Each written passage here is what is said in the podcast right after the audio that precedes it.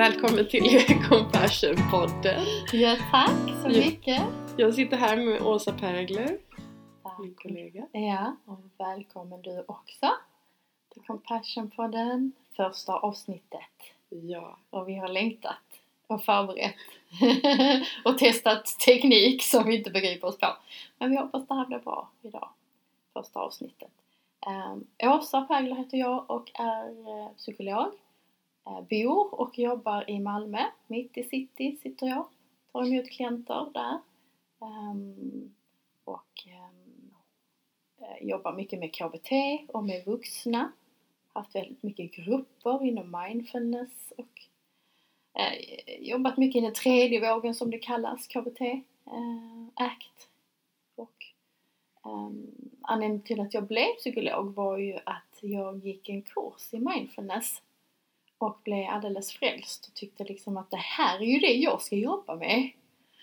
Eh, och eh, då bestämde jag mig för att eh, plugga vidare och eh, haft med mig mindfulness hela tiden. Så att jag hade ett väldigt så här bestämt spår. Jag ska jobba med vuxna, jag ska jobba inom KBT, jag ska jobba med mindfulness och det spåret har jag hållit. Så att eh, det jobbar jag mycket med och ehm, eh, kom ju i kontakt med compassion och compassion, alltså CFT, compassion fokuserad terapi under utbildningen. Då var det ganska nytt så det är inte så många år som det har varit eh, en behandlings eller man har jobbat med det så här i Sverige.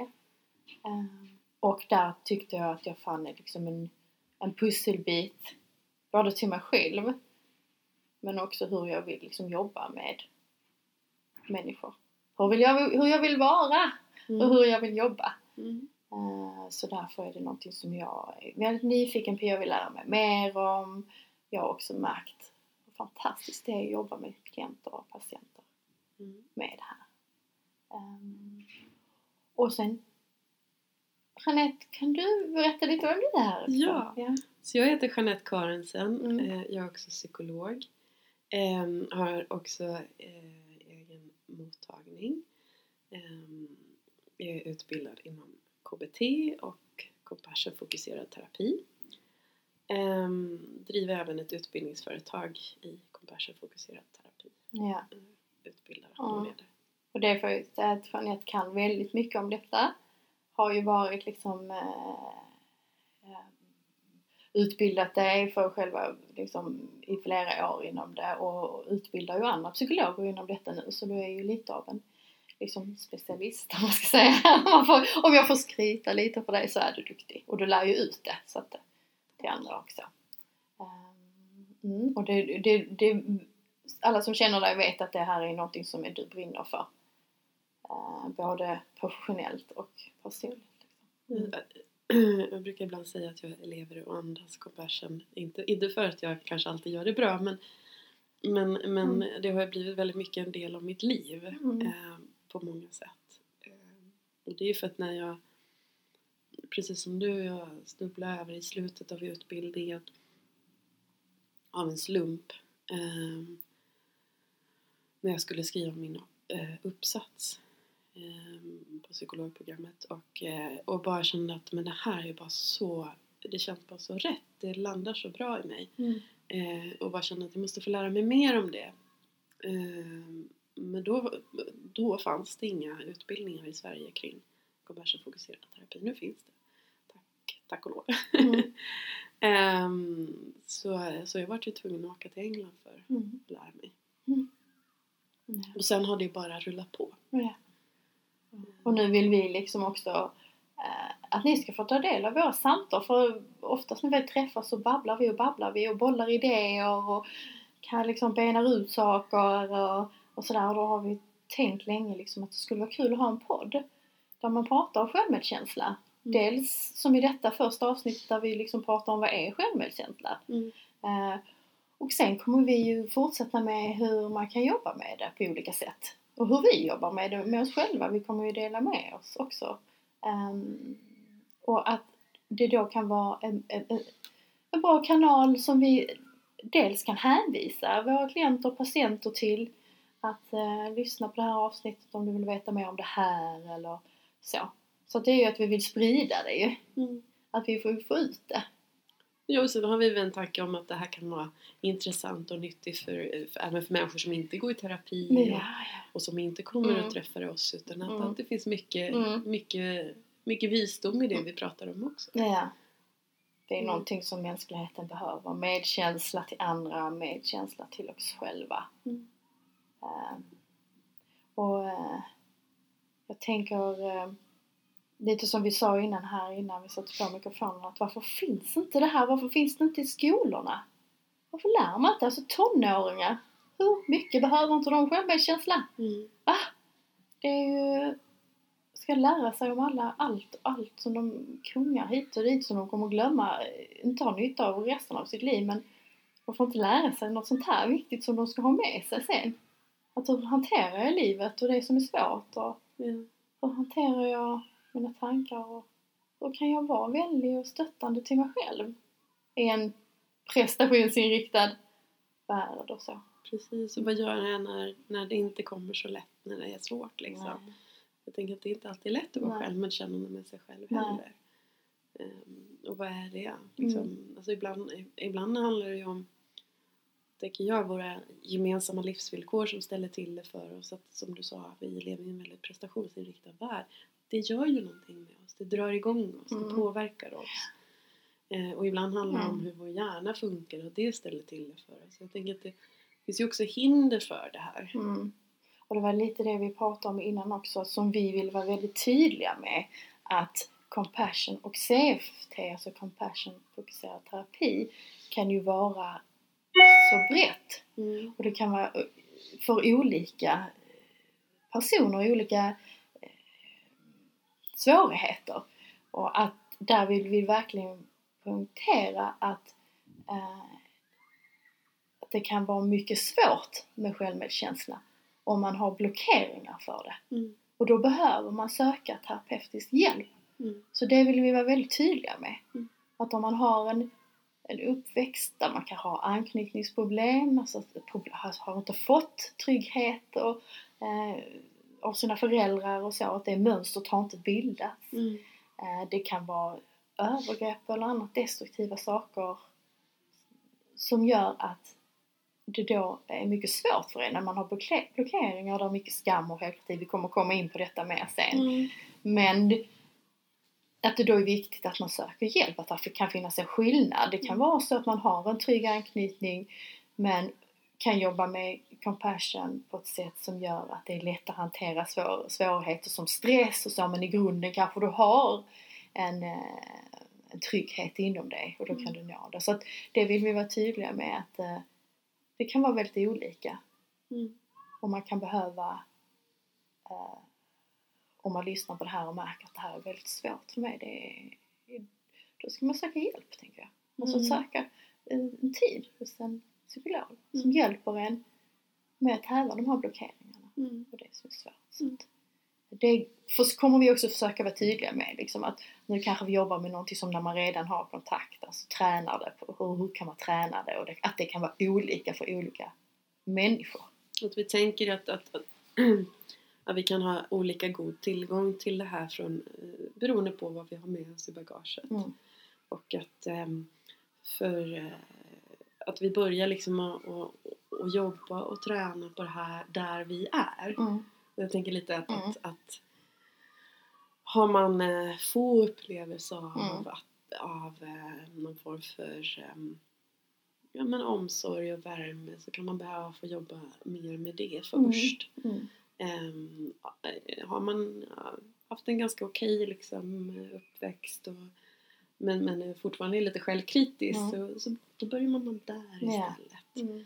Ehm, och att eh, det inte bara handlar om att kanske göra en övning utan Nej. att ibland så stöter Mm. vi på någonting Mm. som, som känns svårt eller Mm. någonting som skaver Mm. eller någonting som, som inte riktigt landar hos oss. Och då Mm. kan det vara intressant faktiskt och Mm. ganska lärorikt att Mm. undersöka okej men vad var det? Liksom? Mm. Vad var det som fastnade där? Ja. Vad hände? Vad hände? Mm. Vad hände med mig? Och Ja. Vad var det som dök upp i mitt huvud? Och hur kan jag förstå det? Hur kan jag Mm. skapa mening i det? Och det kan man jobba med i terapi. Absolut, så det är viktigt att vi eh, visar den skillnaden liksom, för det kan vara väldigt olika. Mm. Eh, så att det är ju även om vi tror att hela världen eller liksom skulle må bättre av mer självmedkänsla, mer själv och medkännande ledare, stora ledare i världen och, med, och att skolan skulle lära mer självmedkänsla och så, så, så är det också någonting som ibland kan behöva eh, lite djupare och ingående terapi. Mm. Så att vi är tydliga med det. Mm. Ehm, Men jag tänker att om du skulle beskriva och förklara för någon som aldrig har hört ordet självmedkänsla, hur hade du beskrivit det då? Jag tänker ju, ehm, om, vi, om vi börjar liksom med ordet medkänsla eller, eller compassion som ibland är ett bättre ord för det än, än, än medkänsla. Att, att, ehm, så min definition av, den, av det ehm, utifrån den tradition jag kommer ifrån är att det är en, en öppenhet och en känslighet för det som är svårt eh, hos mig själv men också hos andra. Och att jag har en, en, en, en uppriktig önskan eller motivation att försöka avhjälpa det här svåra. Både hos mig själv och hos andra. Så det är en Så- omsorg på ett sätt. Ja, det är, det, det är både en omsorg men ibland kan det också handla om att faktiskt möta svåra saker. Ibland kan det handla om att sätta gränser. Mm. Ehm, så det är inte nödvändigtvis bara värme och omsorg. Nej, Ehm, det är en del av det då. Precis, och, och, och, och jag tänker på det som att, att det inte bara är självmedkänsla även om när vi riktar oss till en, liksom en person så, så är det oftast det vi har fokus på. Utan att medkänsla är mer som ett flöde liksom. Att, att det, det, det kan gå från mig till dig. Att jag kan rikta medkänsla till dig. Mm. Ehm, men det kan också gå från dig till mig. Mm. Ehm, eller så kan det handla om att jag ger det till mig själv. Mm. Och då, då är det liksom mer en Mm. inre process. Och då kallar jag det självmedkänsla när det är den här inre processen. Ehm. Så skulle man förenkla det så brukar det stå liksom i böcker eller man tycker att okej det är att utveckla en vänlighet till sig själv och till andra. Alltså, att, alltså ja det blir ju följdeffekten då men till sig själv främst. Och um, om, om vi ska förenkla det så, alltså begreppet en vänlighet. Alltså om, om vi tittar och googlar det så skulle det stå utveckla att du ska behandla dig själv som du behandlar en vän. Så det här brukar vara ett förenklat populärt uttryck. Absolut, och, Mm. det, och det är ganska hjälp, hjälpsamt att tänka i de termerna. Mm. Men, men eh, inom compassion-världen Mm. så har man lite olika Mm. liksom, Ja. eh, tillgångar till det här. Eh, där vissa har mer fokus på det här vänliga Mm. eh, och den, den Mm. delen av det Mm. som jag tycker är en del av Mm. compassion också. Och andra inriktningar har mer fokus på liksom att möta det som är svårt. Ja. Men jag tänker Mm. också det har lite med att göra vad man, eh, vad man själv är. Det var det vi pratade om först i början. Att om du kommer från en uppväxt som har varit svår, där du inte kanske har tillgång till eh, självmedkänslan, eller där det är blockeringar, och där kanske är mycket skam, självkritik, eh, att, att det då är ju mer på det som du säger att där är, då får man jobba med det, med Mm. blockeringar, man får jobba med att öppna upp och hitta den, få kontakt med den som kanske finns där. Mm. Eller som finns där hos oss men har. Att, eh, Det finns en annan komplexitet där. ja det finns det.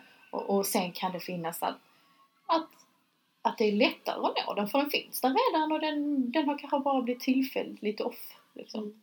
Ehm, Men jag tänker så- att vi alla skulle må bra av att visa oss själva Ja. och andra mer omsorg. Ja, så att om man tänker så här, vilket jag tycker är intressant att, att eh, det, om vi sa att vi hade önskat att det fanns på schemat idag, att man fick lära sig det för att det är det vi får lära oss mycket och som jag fick lära mig i min uppväxt var ju självkänsla. Ja. Det var ju väldigt liksom populärt där och är fortfarande i USA, speciellt you gotta go uh, get your self-esteem and you can be whatever you want och det är liksom sådär. Um, American dream liksom. Ja. Eh, och den, om vi skulle säga liksom vad är skillnaden mellan självkänsla och självmedkänsla? Mm. Om vi skulle gå in på det. Mm. Ja. Så, så självkänsla handlar mer om en, en, en självvärdering. Ja. Alltså typ hur jag em, upplever mig själv eller ser på mig själv. Och hur också det hänger ihop lite med min egen kompetens. Mm. Alltså typ hur jag upplever mig själv Mm. i världen. Ja. Och hur kompetent jag känner mig i den världen när Mm. jag rör mig i den världen. Mm. Eh, självmedkänsla däremot handlar mer om, om liksom hur jag förhåller mig till det som är svårt. Mm. Så det, ingen, det finns ingen självvärdering i det. Och jag tänker att när man har gjort studier av, man har gjort olika sådana program i skolor till exempel med att, att stärka självkänsla. När man har gjort sådana studier så har det visat sig att, att självkänsla och att stärka självkänsla blir att, att eh, självkänsla och att stärka självkänsla eh, blir svårt ehm, när vi har det svårt. Mm. Då, då, Mm. då hjälper inte de här eh, Nej. programmen. Mm. Men däremot om vi försöker göra det när vi har det bra Mm. så stärker det självkänslan mycket. Mm. Alltså när det går bra för oss så får vi ökad självkänsla. Men man kan också jobba med att stärka den då. Men vi blir ganska odrägliga då. Ja, vi kan bli det. Jag tänker att, Lite att självkänslan är ju eh, lite skör på det sättet där, eller ganska skör. För att då är den ju beroende av omständigheter. Alltså den är beroende på om jag, det går bra för mig. Ehm, för att om vi tänker att vi lever i ett väldigt prestationsinriktat samhälle, vilket vi gör, det är ju oerhört prestationsinriktat. ehm, så kan vi väldigt lätt lägga vår värde i våra prestationer. Mm. Alltså att min självkänsla blir inte baserad på här är Åsa och jag är okej oavsett om det går till helskotta på jobbet eller i relationen eller vad någon annan säger till mig eller eh, jag fick inte det jobbet som någon annan fick eller min chef säger att jag är medelmåtta eller alltså att där är så mycket som det är baserat på ett värde i prestationen vilket det blir väldigt mycket. Vi får lära oss det också i skolan. Liksom, Mm. så. Ehm, då, då blir den väldigt skör och den fungerar ju bara när allting är på topp. Mm. Eh, och sen är det ju också det här problemet hur gör vi för att bibehålla vår självkänsla? Alltså vad har vi för strategier för att bibehålla självkänslan? Mm. Jaha, nu känns allting bra, men hur går det för dem? Hur kommer jämförelsen? Mm. Hur är det med den? Nej men jag är lite duktigare än henne så men då känns det bra, det har ett bra värde. Och så så där gre- grejer i vår hjärna och det är ju liksom någonting som den gör automatiskt. Hur står det till här nu här för, med, med mig själv jämfört med andra? Och då går vi in i jämförelsetankar. Mm. Och vi kanske också får väldigt vassa armbågar att eh, för att jag ska få mitt värde kvar, det är ju här ju starka krafter. Ja. Alltså att jag, mitt värde som person, det är ju enormt starka grejer vi pratar om. Starka känslor. Och hotfullt om man inte då har kvar det. Ja. Och då kan ju det bli vassa armbågar. Och man kan ju faktiskt se att där är med mobbing och så. Att Man börjar trycka ner folk. att man faktiskt använder, för att jag ska ha kvar min starka värde och självkänsla så, så kan jag använda tekniker om att trycka ner andra för att, för att fortsätta vara kvar där uppe. Och, och det är ju inte så trevligt värld att leva i. Eh, sådär. Och, och att det faktiskt också kan påverka um, Nej men om du tänker tonåringar då. Ja, Okej, vad lägger de sitt värde i? Ja, det är ju både tjejer och killar. Och, men främst kan man se i forskning med tjejer att de lägger värde i sitt utseende. Mm. Och om man då inte ser ut som, som normen och eh, säger så klankar man ner på sig och blir självkritisk. Mm. Och men ser man då ut som normen så kanske man får väldigt bra självkänsla. Att kolla så smal och fin och jag ser Mm. ut som man ska. Och, och, men då hänger självkänslan i sitt utseende och det är också väldigt skört, eller hur? Mm. Mm. Så att det är ju en skör grej det här med självkänsla. Mm. Och jag tänker om man tittar på självmedkänsla å andra sidan då så, så accepterar man lite att, att ja, men, det händer ju saker i livet. Att det blir, alltså typ Mm. ibland så drabbas vi av saker. Mm. Alltså typ jag klarar inte ett prov till Mm. exempel. Eller jag får inte det där jobbet som jag gärna ville ha. Eh, och vi använder oss av självmedkänslan när det går dåligt. Ja. Alltså det är då jag behöver den där stöttningen, Mm. den här uppbackningen, Ja.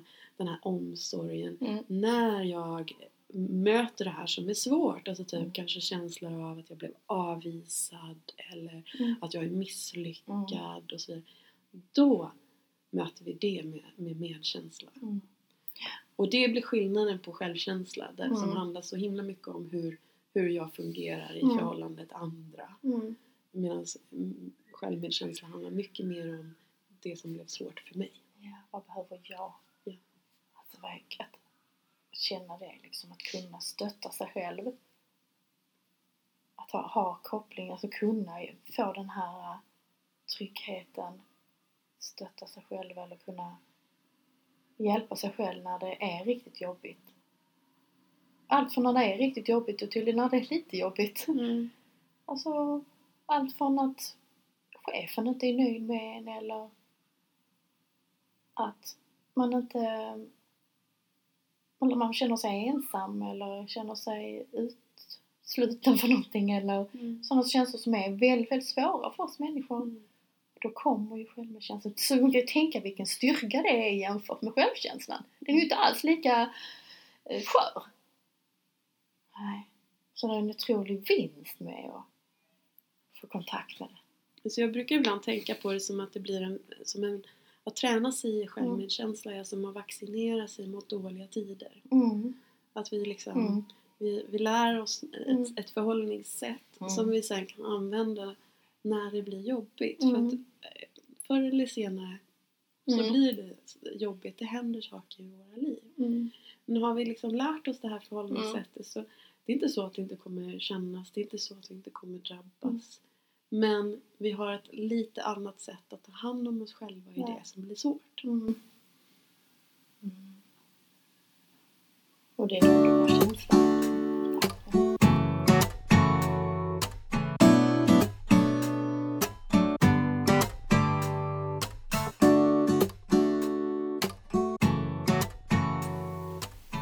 Ja, men det här blir väl ett bra avslut tänker jag till vår första podd. Ehm, så roligt det har varit att komma igång. Verkligen. Ja. Uh, har vi fått upp lite vad är självmedkänsla, skillnaden självkänsla och självmedkänsla. Och um, någonting som um, är viktigt just det här när man kommer i kontakt med medkänsla och lugn och ro till sig själv är ju vår andning. Um, andningen kan ju låta som att eh, det är väl inget svårt. Andas gör jag automatiskt. Men det är så mycket i vår andning. Det är så mycket känslor i vår andning. Och den är så styrd av känslor också automatiskt som vi faktiskt inte tänker på. Så andningen är någonting som man behöver träna på och bli medveten om. Och det kan hjälpa oss att hitta det där lugnet som gör att det är lite lättare att tillgå den här medkänslan. Ja, omsorgen till oss själva och också släppa fram känslor och värme till oss själva och andra. Acceptans. Så man är stressad så har man oftast en andning som sitter uppe i bröstkorgen. Kan alla känna igen kanske.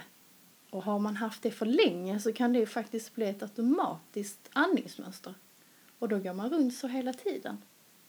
Och det är inte alls bra för en. Inte fysiskt och inte känslomässigt. Fysiskt gör det att man blir väldigt trött. Och man får obalans mellan koldioxidet och syret som vi behöver i kroppen och hjärnan. Och känslomässigt tänker jag att andningen är ett sätt också att stänga nere känslor. Tänk som att andas här och käkarna är spända och man trycker ner känslor. Och att den andningen kan vara ett sätt att liksom komma i kontakt med omsorg. Släppa fram, öppna upp. Så därför är den faktiskt svårare än vad man tror. Och eh, vi tänkte att vi skulle göra en övning idag. Att Jeanette ska guida mig genom en övning som heter just rogivande andning. Och om jag bara skulle säga lite snabbt så här att det här är en jättebra övning att göra, att träna sig på, att få ner andningen till magen hela vägen ner och så. För alltså vad som händer rent fysiskt med så är det ju faktiskt som att vi tar ett chillpill liksom. Alltså lugnande... Alltså, förstå- man, vad som händer är ju att vi har ju nerv här bak i nacken som aktiveras och som bara strömmar igenom och som faktiskt ger oss som lugnande. när vi gör den här andningen. Så det är ju ett väldigt bra verktyg att träna sig på. Hjälpa sig själv, öppna upp, lugna ner, omsorg till sig själv. Så därför vill vi avsluta med en sån övning som vi kommer ha här. Och den kommer också läggas enskilt efter avsnittet så att man inte vill höra hela avsnittet igen men man tycker om övningen så kan man bara gå in på själva övningen. Precis. Så, och nästa gång så tänkte vi, vi pratar om självkritik. Ska vi inte göra övningen först? jo, jo, det tycker jag att vi gör. Innan, innan vi pratar om nästa gång? Jo, det kan vi göra. Det har du helt rätt i. Jag är helt uppe i gång i detta nu. Nu behöver jag andas. Men vi gör övningen och du guidar mig igenom det. Så tar vi det andra sen, eller hur? En sak i taget, här och nu. Mm. Ja. Okej, Åsa. Välkommen till rogivande andning.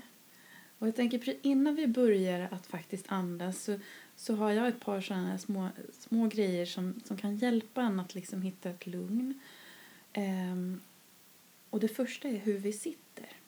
Så att man har en, liksom en stabil position och gärna känner liksom båda sittbenen i, i stolen som man sitter. Och gärna båda fötterna på, på eh, marken om det går. Um, så man får en känsla av att man sitter stabilt och stadigt. Det hjälper kroppen i att hitta ett lugn. Um, och den andra grejen som man kan hjälpa kroppen med är faktiskt genom att ha ett lätt litet leende. För det är svårare för kroppen att registrera att det är fara och färde om vi har ett lätt litet leende. Eller ett leende på insidan om det känns eh, svårt. Och sen ska vi ha fokus på andningen. Och under övningen, försök att se om du kan få andningen att gå ner så långt ner i magen som möjligt. För då stimulerar vi något som heter vagusnerven som hjälper kroppen att lugna ner sig. Men nu börjar vi. Så du får gärna blunda. Och så bara ta en liten stund och känn in ditt andetag. Känn hur andetaget känns just nu.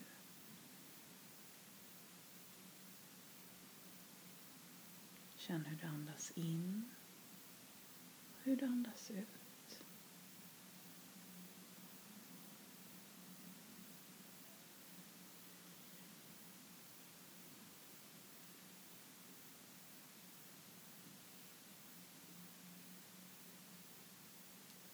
Hur känn stabiliteten i kroppen. Stabiliteten från stolen som du sitter på.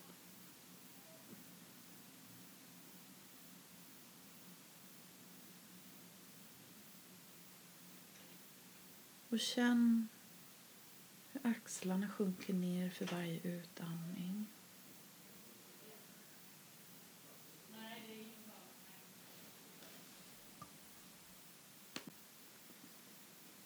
Nu börjar vi. Så du får gärna blunda. Och fokusera på andningen. Bara känn efter hur andetaget känns. Känn hur du andas in. Och hur du andas ut. Bara lägg märke till hur andetaget känns just nu.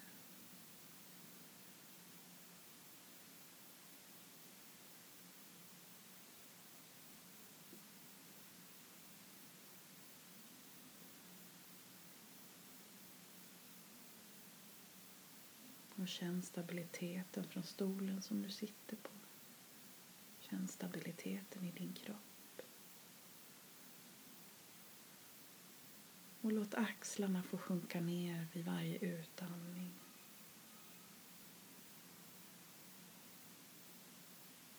Och slappna av i käkarna,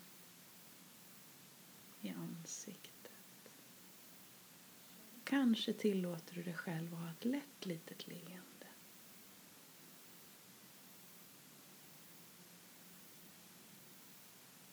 Du är här just nu.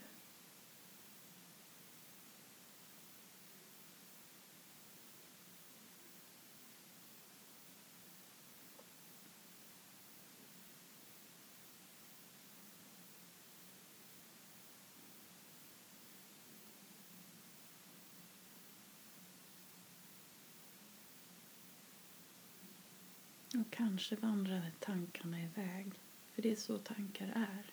Och det är helt okej. När du lägger märke till att tankarna har vandrat så flytta tillbaks fokus till din andning igen.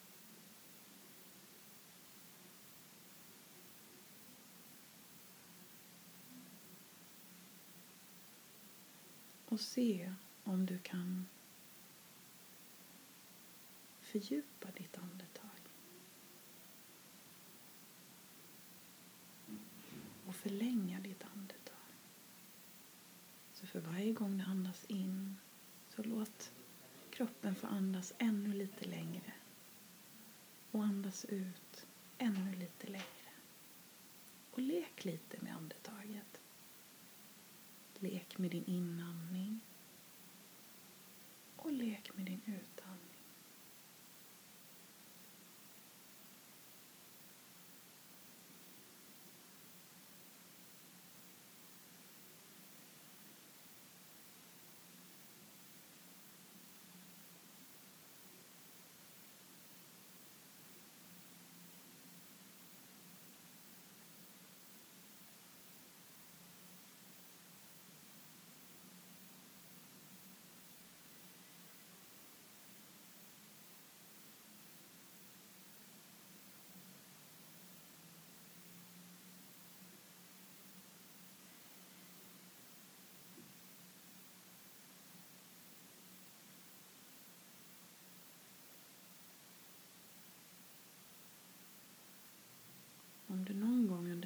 Känner ett litet motstånd eller något som känns små, svårt så bara lägg märke till det. När övningen är över så kan du sen nyfiket tillåta dig själv att utforska lite. Vad handlade det om? Vad var det för någonting?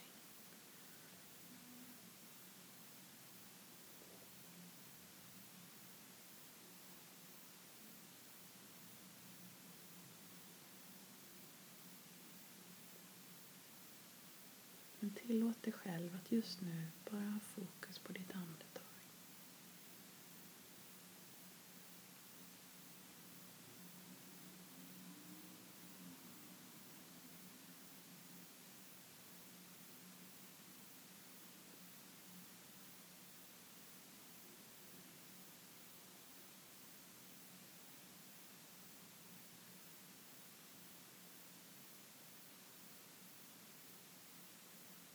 Känn stabiliteten från stolen.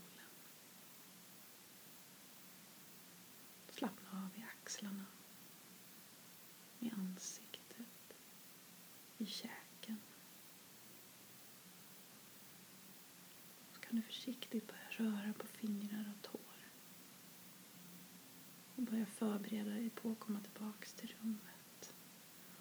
Och så ta ett djupt andetag innan du öppnar ögonen.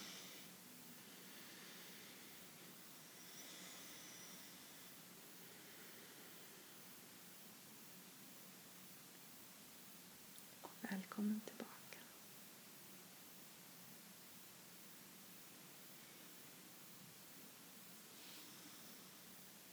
Hur kändes det här, Åsa?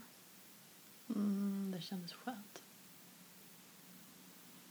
Det tog ett tag att, att landa eftersom jag är inne liksom i spela in podd-mod.